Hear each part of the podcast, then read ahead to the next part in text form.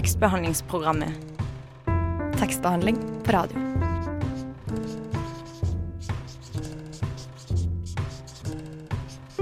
Tekstbehandlingsprogrammet.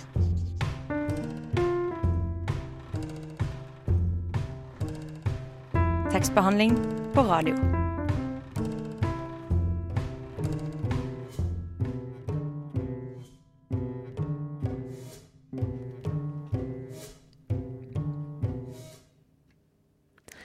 Hei og god onsdagsmorgen. Du hører på tekstbehandlingsprogrammet eh, Radio Novas litteraturmagasin. Jeg heter Maria Lokta og skal lede deg gjennom denne timen sammen med den eminente journalisten og vakre Susanne Gripsrud. Velkommen, eh, Susanne. Tusen takk. Det var litt av en introduksjon. Ja. Du, du har vondt i armen din i dag. Ja, jeg eh, var flink nok til å falle på isen i går. Jeg har blitt en av dem. Så barndomsdrømmen kom i oppfyllelse litt for sent, kanskje. Ja. Sånn med gips og greier. Så. Du- Men det går bra, da. Du, Kan jeg få tegne på den etterpå? Det har jeg alltid hatt lyst til. Det har vært min barndomsdrøm. I hvert fall så lenge du skriver TPP-logoen. Ja, okay. Ja, jeg skal gjøre det. Du, vi har eh, veldig mye forskjellig på agendaen i dag. Vi skal anmelde boka 'Skjermen med tarmen', og det blir jo eh, spennende. Jeg visste ikke at det var så mye sjarmerende med organet tarm. Jo, du skulle bare visst. eh, og så har vi snakka med Eline Lund Fjæren, som kommer ut med sin andre bok 'Klokken og sengen', sånn rundt nå. Den har vel Mm. akkurat blitt gitt ut. Ja. Og aller først så får vi besøk av det siste originale tilskuddet til norske ører, kanskje. Eh, det handler om pop og skjønnlitteratur, nemlig podkasten Ferdig snakka, som ga ut første singel i midten av januar. Mm, Den ansvarlige redaktøren Synne Øverland Knutsen kommer for å fortelle litt om prosjektet, eh, som skal gjøre det litt mer underholdende å høre på høytopplesninger. Aller først eh, litt ny norsk musikk fra det Bergen-baserte bandet Ekkolodd. Her er Gardintrapp. Der hørte du Ekkolodd med Gardintrapp på Radio Nova. Vi i tekstbehandlingsprogrammet har fått besøk av Synne Øverland Knutsen, ansvarlig redaktør for Ferdig snakka. Velkommen, Synne. Takk for det. Du, Ferdig snakka eh, gir ut lydboksingler eh, som kombinerer pop og skjønnlitteratur hver uke, men eh, har også livearrangementer. Men eh, hva var grunnen til at Ferdig snakka kom til verden? Åh, jo, nei, eh, og det er mange grunner, men eh, mest av alt var det fordi jeg hadde vært på så mange litteraturarrangementer og kjeda meg skikkelig. Og eh, flere med meg, de som var med i Ferdsnakk, hadde også kjeda seg. Og det var en del andre som også hadde kjeda seg. Eh, og så kom vi fra, en del av oss kom fra musikken. Eh, og når du har vært på konsert, så er det stusslig å komme på et litteraturarrangement. Eh, og så da tenkte vi hvordan, kun, hvordan kan man gjøre det på en ny måte? Og så ble det da disse innspilte lydboksinglene. Mm. Men hva er det egentlig som er kjedelig, da? Hva er det som er kjedelig? Åh, Er det liksom sånn lurespørsmål? Eh, nei. Eh, det er eh, rett og slett at det er en sånn innøvd måte å, eh, å lese opp litteratur på som ikke ligner på naturlig talen i det hele tatt. Eh, så det er verken liksom eh, teatralsk på en måte som gjør at du, den er troverdig teatralsk, eh, eller eh, autentisk. Eh, så den har en sånn stilisert måte å gjøre på ting på som egentlig føles bare veldig fremmedgjørende. Ja. Eh, og det er liksom sånn høytidelig ramme på det hele, som, eh, som ikke jeg føler meg hjemme i, i hvert fall. Men kan det også ha noe med at det på en måte ødelegger den der sfæren du gjerne er i hvis du sitter og leser en bok helt alene, men så plutselig så skal noen lese noe høyt for deg midt blant mange mennesker, eller? Nei, jeg er uenig i det, da. For jeg tenker at det Jeg skjønner ikke hvorfor det performative elementet er utelatt med en gang man liksom skal uh, formidle, da. Uh, det burde jo være en mulighet, da, må man tenke. Uh, og man snakker ikke om sånn høytopplesning som en sånn Ja, det er enten det eller boka alene med deg hjemme. Det er sånn, Vi elsker bøker, vi òg, men vi har likevel lyst til at det skal være en sånn sosialt element rundt opplesning. da. Men eh, hva, hva skiller Ferdig snakka fra en vanlig lydbok?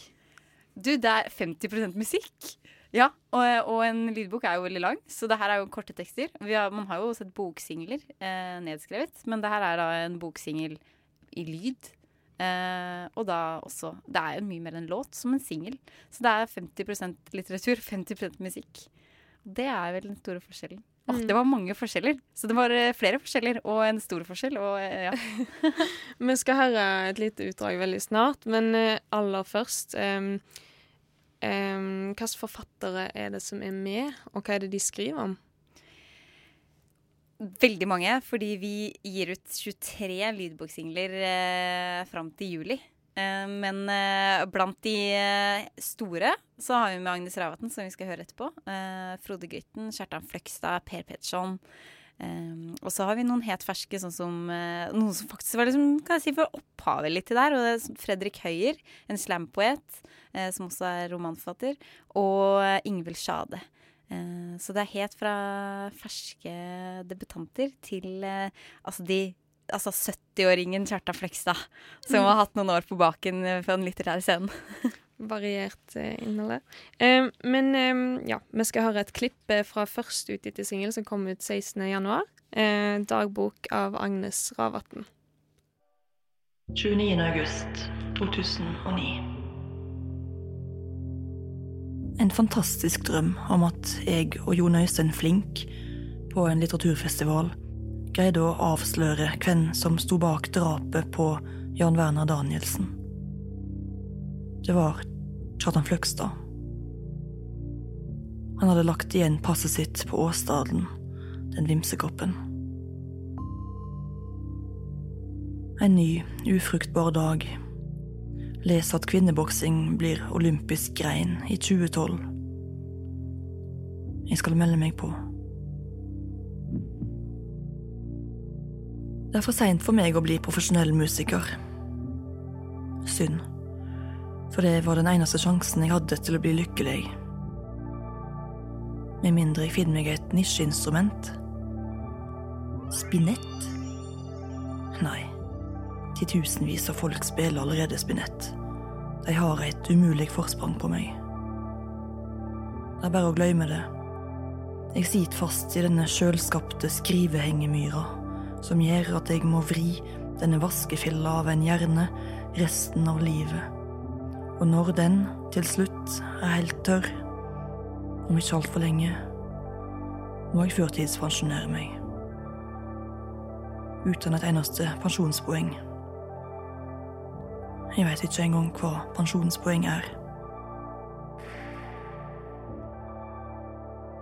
Om en kunne velge seg akkurat hva kone en ville, helt fritt, blant alle i verden ville noen kunne komme til å velge seg meg? Det er svært tvilsomt. Og sjøl ikke min framtidige ektemann, må jeg regne med, ville velge seg meg, hadde han valget mellom alle i hele verden. Vel, jeg ville ikke ha valgt han heller. Der hørte vi et utdrag fra Ferdig snakkas første singel med forfatter Agnes Ravatn, og musikken laga av Tord Øverland Knutsen fra det britiske bandet The Wombats. Og Sunne, du har jo også en bakgrunn som musiker. Eh, og jeg lurte på, hva er det du liker med kombinasjonen mellom pop og skjønnlitteratur? Eh, det er jo to ting jeg liker veldig godt. Så det liker jeg. At det er to ting jeg liker veldig godt mm. sammen. Men uh, ja, bortsett fra det, så er jo Altså, det, man føler jo at man uh, pløyer litt upløyd mark her. Og, uh, men, og, og, det er at man Jeg vet ikke om jeg har hørt ja, Man har hørt spede forsøk før, før på musikk som følger litteratur. Eh, men det er gjerne en veldig sånn eksperimentell måte. Mm. Men det å faktisk kombinere det med moderne popmusikk, da, eh, som jeg kommer jo fra og er veldig glad i, eh, pop som veldig utvida begrep, da, er jo en det, Jeg vet ikke om jeg har hørt det før, da, på den måten. Så, mm. så, det er jo både litt sånn grensespreng Eller sånn, sånn utvidende for hjernen, min egen hjerne, og for, eh, forhåpentligvis for andres hjerne. Men, eh, men, mest av alt to ting jeg liker veldig godt som man blander sammen. Det jeg også har hørt at det er mulig å gjøre med mat. sånn du liker OK, du liker sjokolade, og så liker du avokado. Og det funker bra sammen. Sånne type ting. Har hadde en kompis en gang som bare prøvde det å blande to ting han likte skikkelig godt, sammen. Funka. og, og jeg tror jo det her også funker. Mm. Håper Men, det. Tenker du at det er eh, to ulike ting som man kombinerer, og så hjelper de hverandre eller støtter opp, støtter opp om hverandre, eller at de to tingene blir en, en helt ny ting? Jeg tror eh, de blir en ny ting, og så tror jeg også at de støtter opp hverandre. Jeg tror de er begge deler. Men hva, Er, er det luresvar? ja. Men hva er det som eh, kommer først? Er det teksten, eller er det musikken? Eh, først så spiller vi inn uh, stemme. Det er i hvert fall sånn vi har gjort det hittil. Uh, med forfatter. Og så sender vi den til musiker, som lydlegger til den innspilte stemmen. Men vi har vurdert å gjøre det motsatte. Mm. Og spille inn musikken først, og så at noen skal skrive til. Så det kommer vi sikkert til å gjøre. Spennende. Vi skal snakke litt mer med Synne Øverland Knutsen etter litt musikk fra norsk-nederlandske klangstoff. Her er 'Love or Sedate Me'. Det var den eh, litt triste danselåta av eh, Klangstoff. Eh, 'Love or Sedate Me' heter den. Vi er fortsatt her i, på Radio Nova med tekstbehandlingsprogrammet og har besøk av Synne Øverland Knutsen, ansvarlig redaktør i Ferdig snakka, som kombinerer popmusikk og skjønnlitteratur i sitt prosjekt med lydboksingler, men også live arrangement.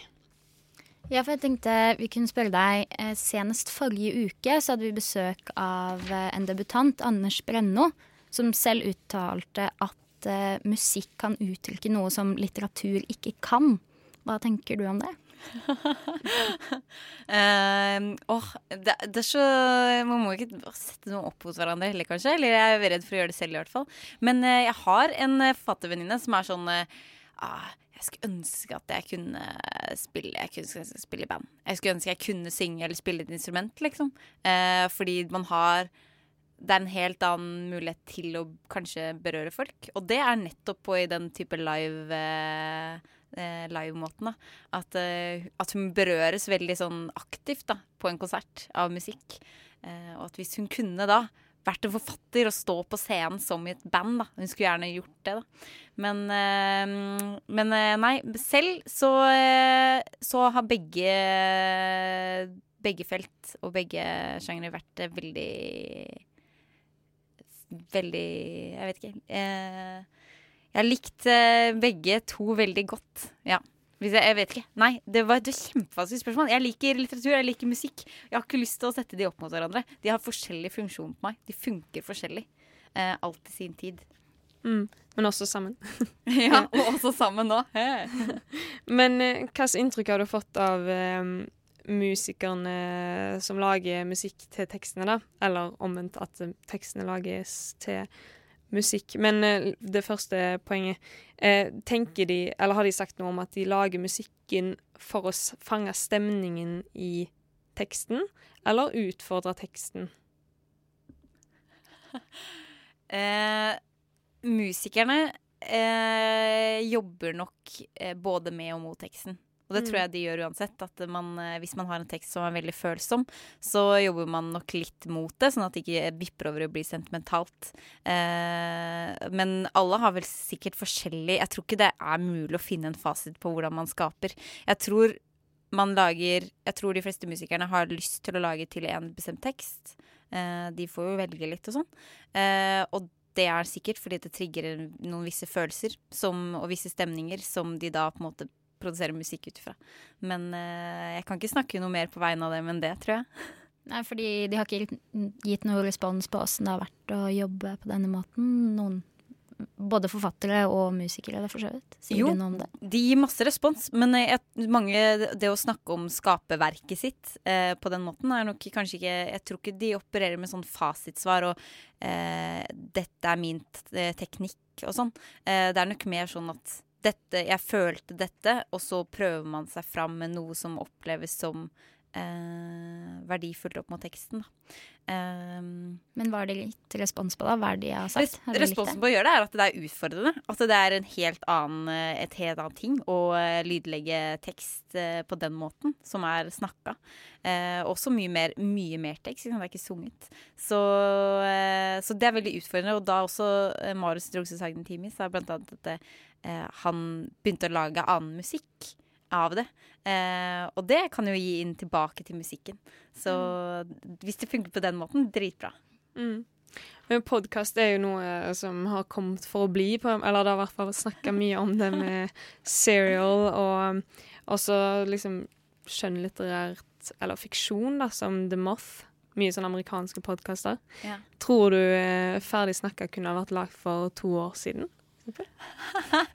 Du, det er skikkelig morsomt at du spør, fordi at eh, vi hadde veldig eh, ikke noe egentlig slags tanke om den podkast-greia. Det kom litt sånn brått på. Podkast bare kom rett før liksom, vi lanserte Ferdigsnakka. Da ble det sånn oh, podkast er det nye store. Ja. Og, og så, vi hadde bare sånn Ja, vi burde ha det på iTunes også. Det var, liksom, det var mer eller mindre tilfeldig da, at vi Mm. gjorde det. Uh, vi hadde liksom, planer om hvordan denne kuroterte veldig hvordan den nettsida skulle se ut, og hvordan det skulle låte og inneholde ikke sant. Men, uh, men så var det den Ja, nei, men man bør på, nås på flere plattformer. Man, man bør ikke bare høre lyden. og og så ble det jo podkast, og mer eller mindre tilfeldig. Og så plutselig traff Jeg vet ikke om vi traff, eller podkast traff, eller Men podkasten traff. Ja, så Ja. Det, folk har virka åpne for det. Ja, det er, det er jo fortsatt ganske nytt, tror jeg. Eh, man snakker jo om det, men det var ja, det, det kom veldig brått på at det var en sånn herre Her treffer man en tidsånd med podkastformatet. Det er på vei inn. Podkastens inntog. Å ja, er det sant? så sånn var det litt. Men eh, det føles jo eh, Jeg har hørt på podkast lenge, men eh, eh, så, så at vi traff det, eller om vi gjorde det, det vet jeg ikke. I hvert fall når noen sier det nå, så om det så måtte være sånn taktisk grep fra vår side, det må jeg nok eh, avkrefte. Hvordan har det vært å ha et livearrangement av det? Vi har bare hatt ett uh, livearrangement, som var Ja. eh, lanseringsfesten. Uh, og det var veldig gøy. Og veldig nervepirrende. Og Men det var uh, noe jeg, jeg, jeg tror og jeg opplever at folk sa at de Og at, de, at mottagelsen var at de ikke hadde sett noe lignende før. Eh, men eh, selv som dette redigeringsøyet som var i salen, så tenker man dette er en veldig kul plattform for å gå videre. Her, kan man, her kan man faktisk gjøre noe helt som jeg ikke vet helt om finnes ennå. Så vi, det er masse utforsknings... Jeg tenkte bare Å, hva kan vi gjøre med dette? Her har vi en liten klump, hvordan kan vi kna den? Ja, Men eh, det var jo helt sprøtt å se da disse forfatterne gå på scenen og måtte tenke mer som en sanger eller som en vokalist, da, enn som en forfatter som bare skulle liksom ja. Så da ble den med en gang en sånn performer, da. Og det var liksom Ja. veldig kult. Altså bare, du ser liksom de går opp og liksom skal føle noe og formidle, eh, mer enn det at de bare skal lese opp den teksten. Og det er kanskje litt, jeg vet ikke, fremmedgjørende for dem selv òg, fordi de har liksom skrevet den, og det er noe veldig annet enn å lese den opp, liksom. Ja. Det går i hvert fall litt mot det der idealet, eller den, det bildet vi har av forfatteren, der, som sitter liksom ensom og skriver med foran Ja. Og nå går de på, liksom. Nå går de på sin. scenen, uh, Se på publikum. Ja, nei. Men eh, nei, det var, eh, det var Jeg ble berørt på en annen måte. Eh, og jeg håper andre ble det også. Mm. Tusen takk for at du kom eh, til oss i tekstbehandlingsprogrammet, Sunne Øverland Knutsen. Hyggelig å være her. Takk for, eh, takk for å bli invitert. Bare hyggelig. Nå skal vi høre litt eh, brasiliansk musikk fra Plucking Wings.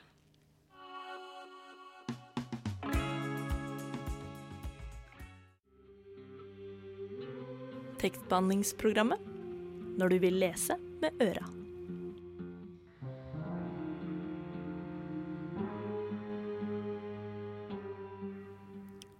Det var Plucking Wings med back her i tekstbehandlingsprogrammet. Vi skal videre. Sist uke så sto 20 år gamle Eline Lund Fjæren på Kennelklubben og hadde lanseringsfest for sin andre bok 'Klokken og sengen'. Debuten hennes 'Ung kvinne, voksen mann' kom, rundt, kom ut for eh, rundt et år siden. Nei, 2013. Ja. Eh, og fikk eh, veldig gode kritikker. Leste du den du, Susanne? Ja, jeg gjorde det, så da blir man jo naturlig nok spent på neste bok, da. Mm. Og den første boka hennes handler om et romantisk forhold mellom en 13 år gammel jente og en mann i 30-årene. Og trolig blir ikke reaksjonene på oppfølgeren like mange, men også denne gangen har hovedkarakteren et ganske komplisert forhold til seksualitet, kropp og selvfølelse. Da Fjæren hadde lanseringsfest sist torsdag, slapp heller ikke hun unna høytlesning. Reporter her er vårt eh, helt nye redaksjonsmedlem, Kim Klev. Jeg bestemte meg i stad for hva jeg skulle lese. Jeg satt i hele går og så prøvde jeg å finne et helt kapittel som jeg på en måte kunne være komfortabel med å lese høyt. eh, Og fant vel ut at jeg ikke var komfortabel med noe. Så jeg har funnet fram til noe som er eh, relativt sånn Det er en litt ubehagelig bok, så jeg tenkte jeg skulle finne noe som var litt eh, harmløst for å skåne foreldrene mine i hjørnet. Den viser 4.48. Om bare noen timer vil den ringe. Rett ovenfor hodeputen i vinduskarmen over sengen står klokkeradioen. Forstår du at folk syns det er At folk kan mene at bokopplesning er kjedelig? Ja, Det syns jeg ofte sjøl også. Ja. Det er, um, det er veldig krevende. Det er vanskelig å gjøre det interessant, da. Um, og det er noe med det å, og som forfatter velge ut en tekst eller flere tekster som på en måte skal representere boka, og, og i det hele tatt få leseren til å forstå noe av sammenhengen, da. Det er ganske krevende. Så det er jeg veldig stor forståelse for, og syns de fleste opplesninger er ja, jeg tror jeg har sett flere, sett og hørt flere dårligere enn jeg har hørt gode. Hvilke forfattere er det du liker å høre? En, jeg liker en veldig god venn av meg som heter Erlend O. Nødtvedt, eh, som er en poet fra Bergen. Han har en utrolig kul måte å lese på. Han, er, han snakker litt sånn også. Han er vel sånn, Så beveger han seg mye, og ja. Så er det liksom den bergensdialekta og de her litt sånn gamle, gamle norske ordene som er veldig fint å høre når han eh, leser.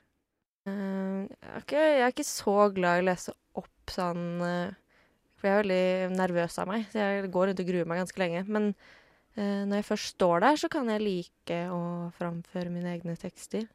Um, men eh, ja, jeg foretrekker at folk leser det. Det er derfor jeg har skrevet det. Da debutromanen din ble gitt ut, så hva, hadde du en eh, Holdt du en tale på Embla-festivalen, som du senere publiserte på Facebook, tror jeg? Kan det stemme? Um, hvor du da mente liksom at moralsk tvetydig litteratur var noe av det mest spennende å lese. Synes du den nye boka er moralsk tvetydig på noe vis? Ja, det er ikke veldig mye moral der. Det er det ikke i det hele tatt, egentlig. Um, men jeg syns jo Det som jeg syns bøker skal gjøre, da, eller god litteratur, er jo å skildre kompleksitet, på en måte. Den skal ikke påstå noe, eller være politisk, eller eh, den kan godt være politisk, men trenger ikke å gi svar. Det syns jeg er eh, det viktigste. Litt sånn med den første boka, da jeg egentlig ikke hadde tenkt på selve tematikken så veldig mye. Før eh, intervjuene og før reaksjoner og sånn. Og så ble jeg interessert i det selv, da, i etterkant. Så det er jo litt sånn spennende. Og jeg merker at jeg får en del, i hvert fall med denne boka, og litt med forrige, liksom spørsmål om eh, feminisme og liksom hvordan man oppfatter unge kvinner i det hele tatt. Uh, så det syns jeg jo alltid er interessant å snakke om. Um, men jeg har ikke skrevet det veldig sånn Jeg har ikke satt meg ned og tenkt, tenkt nå skal jeg skrive en feministisk bok eller en feministisk karakter, da. Så um, det kommer litt sånn i etterkant. Jeg har forstått det som at um, spiseforstyrrelse er inne i bildet her. Men det er ikke helt tydelig ennå. Men jeg merker liksom hele veien at, at kropp er i fokus. Og ikke bare hovedkarakterens kropp, men liksom kroppen til andre mennesker. Ikke minst kroppen til dyr som er maltraktert på gata. Den første romanen heter jo da 'Ung jente, voksen mann'. Eh, burde ikke den nye boka hete 'Kropp', da? Ja, hvis man skal være veldig, veldig presis, så kunne den kanskje det. Nei, altså begge bøkene mine handler jo mye om kropp. Det er vel en sånn sterk kroppsbevissthet i karakterene. Ehm, og det er noe jeg eh, liker å skrive om. Jeg føler at det er noe jeg får til, da.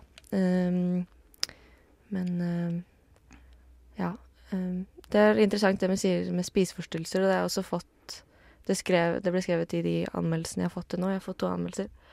Eh, og jeg tenkte egentlig ikke på at jeg skrev om det.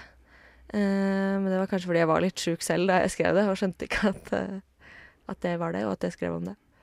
Så, men det er også sånn Det syns jeg er noe av det fineste med å gi ut bok, det er at den kan liksom få en ny betydning etterpå, da. Både for meg og for, eh, for de som leser. Skjønnlitteratur som blir gitt ut med en sånn viss privat eller personlig karakter. Det blir man Det virker som det er en sånn refleks at man liksom skal spørre en gang Ja, hvilken rot? Hvor, hvor mye har dette rot i virkeligheten? Og sånn. Mm. Uh, at man da kanskje liksom glemmer litt at det er en roman, og at fortelleren er fiktiv. Eh, Blir du noensinne lei av å måtte svare på det, om det er en selvbiografi? ja. Eh, jeg syns jo Ikke det at jeg blir lei av Jeg syns jo alltid det er hyggelig å få spørsmål og sånn, og interesse, men det er, det er noe med det at jeg syns spørsmål i seg selv er så utrolig uinteressant, da. Det er eh, Jeg syns eh, Altså det, blir aldri noe én-til-én-forhold mellom, mellom litteratur og virkelighet. Da. Og det er det uansett om du heter Knausgård og skriver Min kamp, så er det mm, Det er fortsatt litteratur, da. Um, med en gang du skriver noe ned, så er det jo ikke lenger virkelighet. Da er det litteratur. Og um, jeg kunne ønske at man kunne forholde seg til det, da.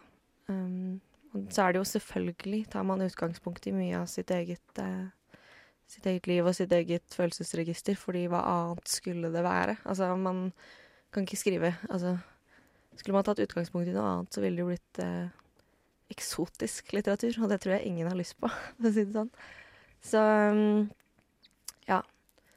Det er eh, Men det tror jeg liksom er noe som egentlig alle skjønner, og derfor så forstår jeg ikke helt uh, um, den her uh, evige lysten til å grave i sånne ting, da. Mm. Men er det ikke fristende å i hvert fall flytte hovedkarakteren til en annen by enn den du bor i, for å liksom slippe unna det mest åpenbare? Jo, altså jeg gjør det jo vanskelig for meg selv. Jeg hater jo det der Sånn som mine egne foreldre leser jo alt veldig bokstavelig. Tror det er meg, og tror det er dem, hvis jeg skriver om dem. Ehm, så det har jeg tenkt på at jeg kunne valgt et annet sted, men problemet mitt er at det er rent praktisk at jeg har aldri reist. Jeg, har, jeg kjenner ingen andre byer enn Bergen. Og jeg kjenner ikke noen andre steder enn mitt eget hjemsted. Og da Jeg har ikke lyst til å beskrive gater jeg ikke har vært i, da. Jeg tror ikke det kan bli bra litteratur. Um, så jeg, jeg forstår jo hvorfor man spør. Det gjør jeg. Det er tid for ukas anmelderduell, og i studio har Guro kommet. Eh, hun og Susanne skal anmelde boka 'Skjermen med tarmen'. Det tror jeg blir veldig spennende. Jeg tror vi bare setter i gang. Nei, den altså, likte jeg skikkelig godt, altså. Tegnekast Kjempebra! Ja, men jeg syns det var ve virkelig Den var god. bra litteratur. Anmelderduellen. Jeg sier ja! Jeg sier nei! Denne vil jeg lese igjen. Terningkast én! Men hva synes du om boka?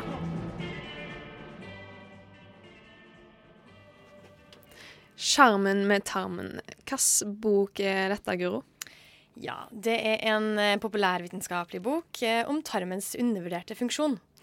Den er skrevet av eh, 24 år gamle tyske Julia Enders. Eh, hun er utdanna medisiner og er forsker på Institutt for mikrobiologi i, Frankfurt.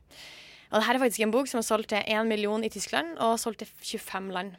Rett og slett en internasjonal bestselger. Det er jo ikke noe vi er så veldig vant med her i tekstbehandlingsprogrammet å anmelde. Um, og den er illustrert med enkle tegninger eh, av forfatteren sin søster, Jill Enders. Vi skal høre et lite utdrag fra boka aller først. Enkle karbohydrater som kakebunn, ris eller spagetti blir ganske raskt overlatt til tynntarmen. Der blir de fordøyd og sørger snart for en stigning i blodsukkeret.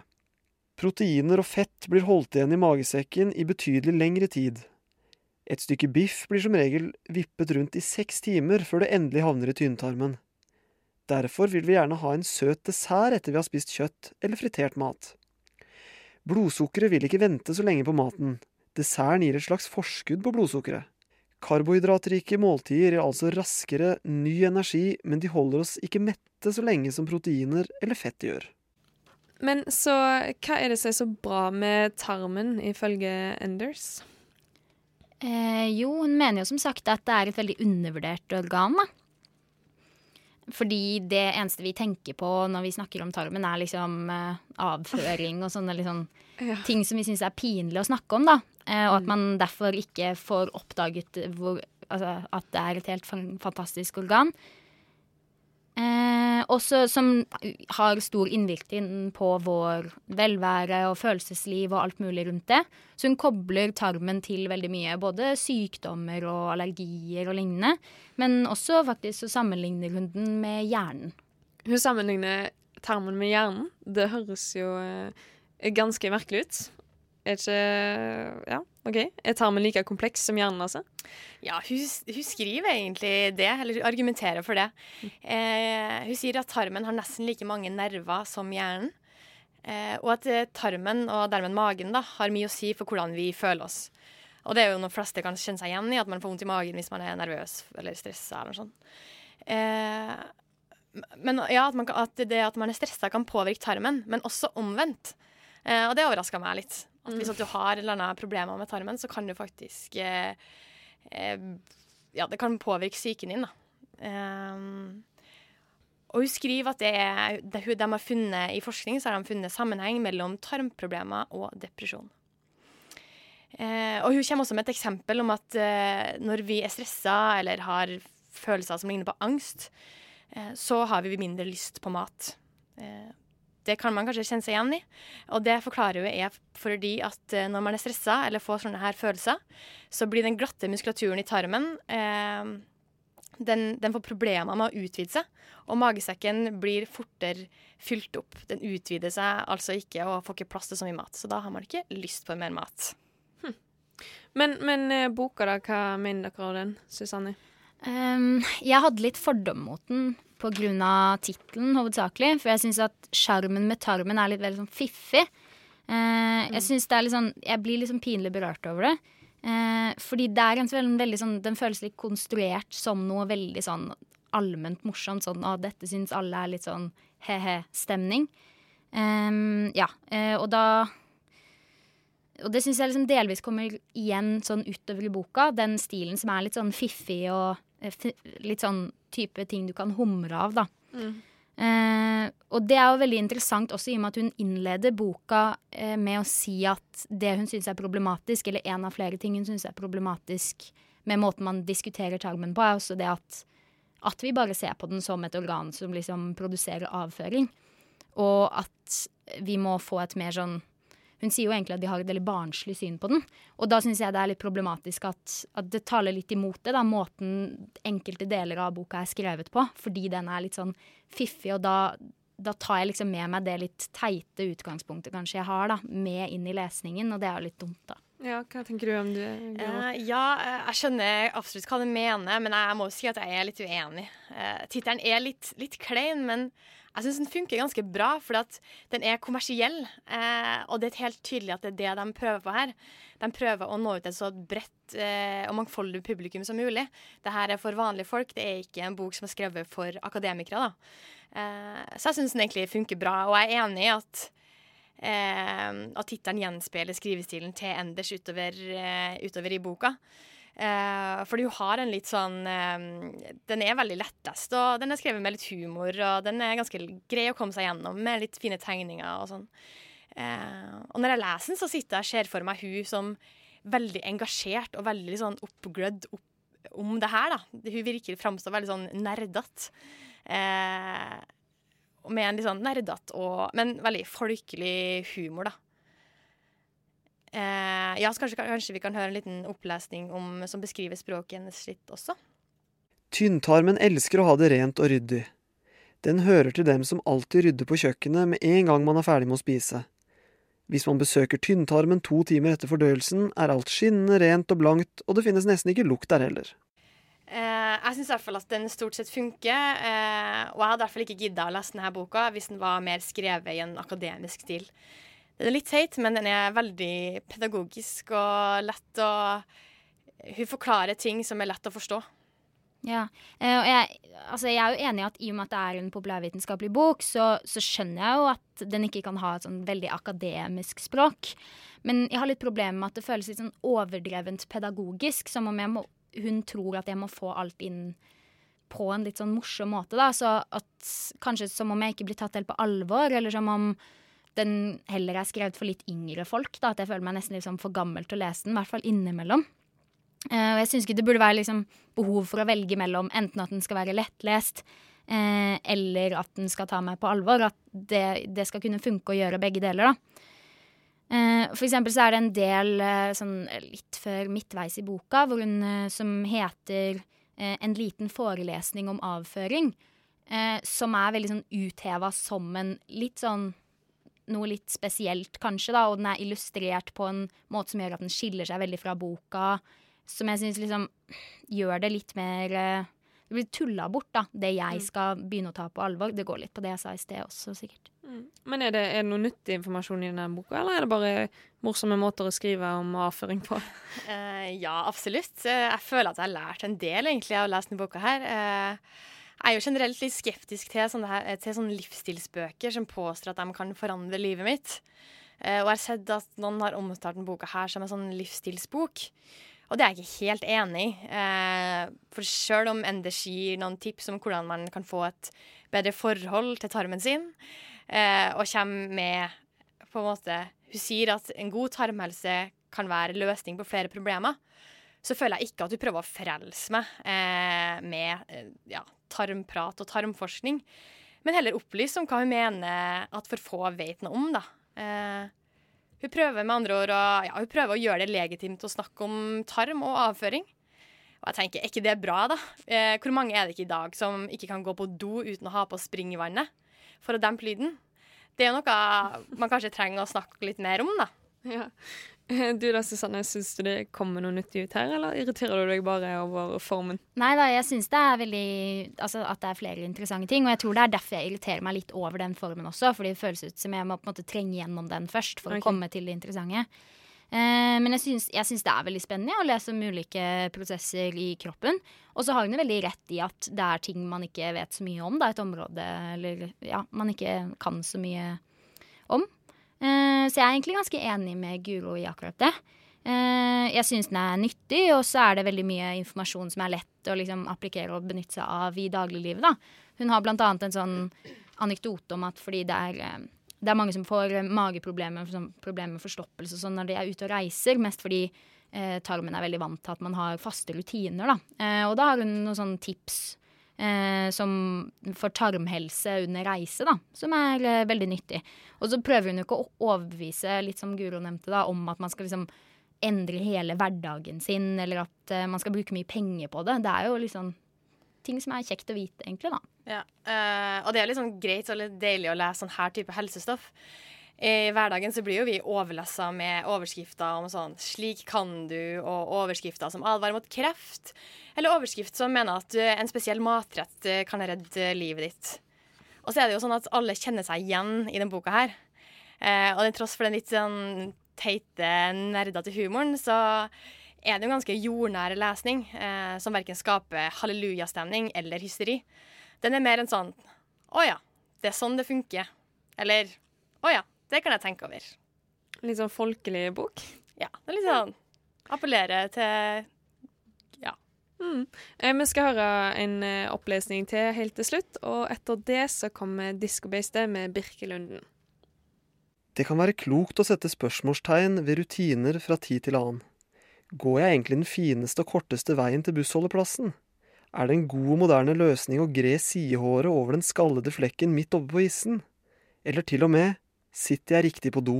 Det er ikke alle spørsmål man kan gi klare svar på, men litt eksperimentvirksomhet kan av og til føre en frisk vind over gamle trakter. Det mente antagelig også den israelske legen Don Sikirov. Han ba 28 deltakere i et eksperiment om å gjennomføre det daglige toalettbesøket i tre forskjellige posisjoner. Sittende på et vanlig toalett, sittende på huk på en usedvanlig lite toalett, eller sittende på huk ute i det fri. Han tok tiden på prosessen og delte også ut et spørreskjema til deltakerne. Resultatet var entydig. Når deltakerne satt på huk, så tok hele prosessen gjennomsnittlig 50 sekunder, og alle følte de hadde fått tømt seg fullstendig. Hvis de satt på et vanlig toalett, brukte de gjennomsnittlig 130 sekunder, og de opplevde ikke prosessen som fullt så vellykket. Forresten, bitte små toaletter ser rett og slett aldeles nydelige ut, uansett hva man benytter dem til. Hvorfor? Fordi tarmlukningsmekanismen vår ikke er utviklet slik at den åpner luken helt når vi befinner oss i sittende stilling. Det finnes en muskel som griper fast rundt tarmen både når vi sitter og når vi står, og trekker den i den ene retningen slik at det oppstår en knekk på den. Denne mekanismen er så å si en tilleggsytelse til den andre lukkemuskelen. En slik knekklås kjenner de fleste av oss fra hageslangen. Man spør søsteren sin hvorfor det ikke kommer vann ut av hageslangen.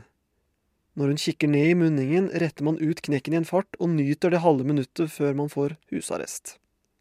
Tilbake til endetarmens knekkmekanisme. Avføringen kommer altså først til en sving. Der må den bremse opp, akkurat som ved avkjøringen på en motorvei. Dette systemet gjør at lukkemuskelen ikke trenger å bruke så mye kraft for å holde alt tilbake når vi står eller sitter. Når muskelen gir slipp, forsvinner knekken. Da er det klar bane, og man kan trykke på gassen og kjøre på.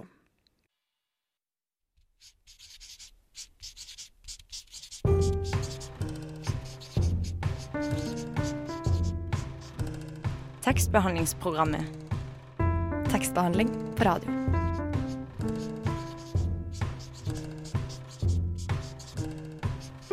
Tekstbehandlingsprogrammet.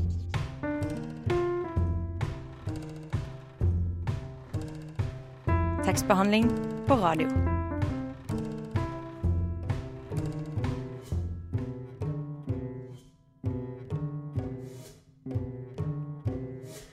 Det var alt vi hadde i tekstbehandlingsprogrammet i dag. Har du gått glipp av sendinga, kan du høre den på podkasten vår eller på radionova.no. Anbefaler deg også å like siden vår på Facebook for oppdateringer. I studio eh, med meg, eh, Maria Lokna, har eh, Susanne Gripsrud vært. Sant, Susanne? Yes. Yes. Eh, tekniker har vært eh, fantastiske Ida Brenna. Noe mer? Nei? Mm, Nei, vi hadde jo Guro med på anmelderduellene. Det stemmer. Guro-florening. Eh, vi høres neste uke.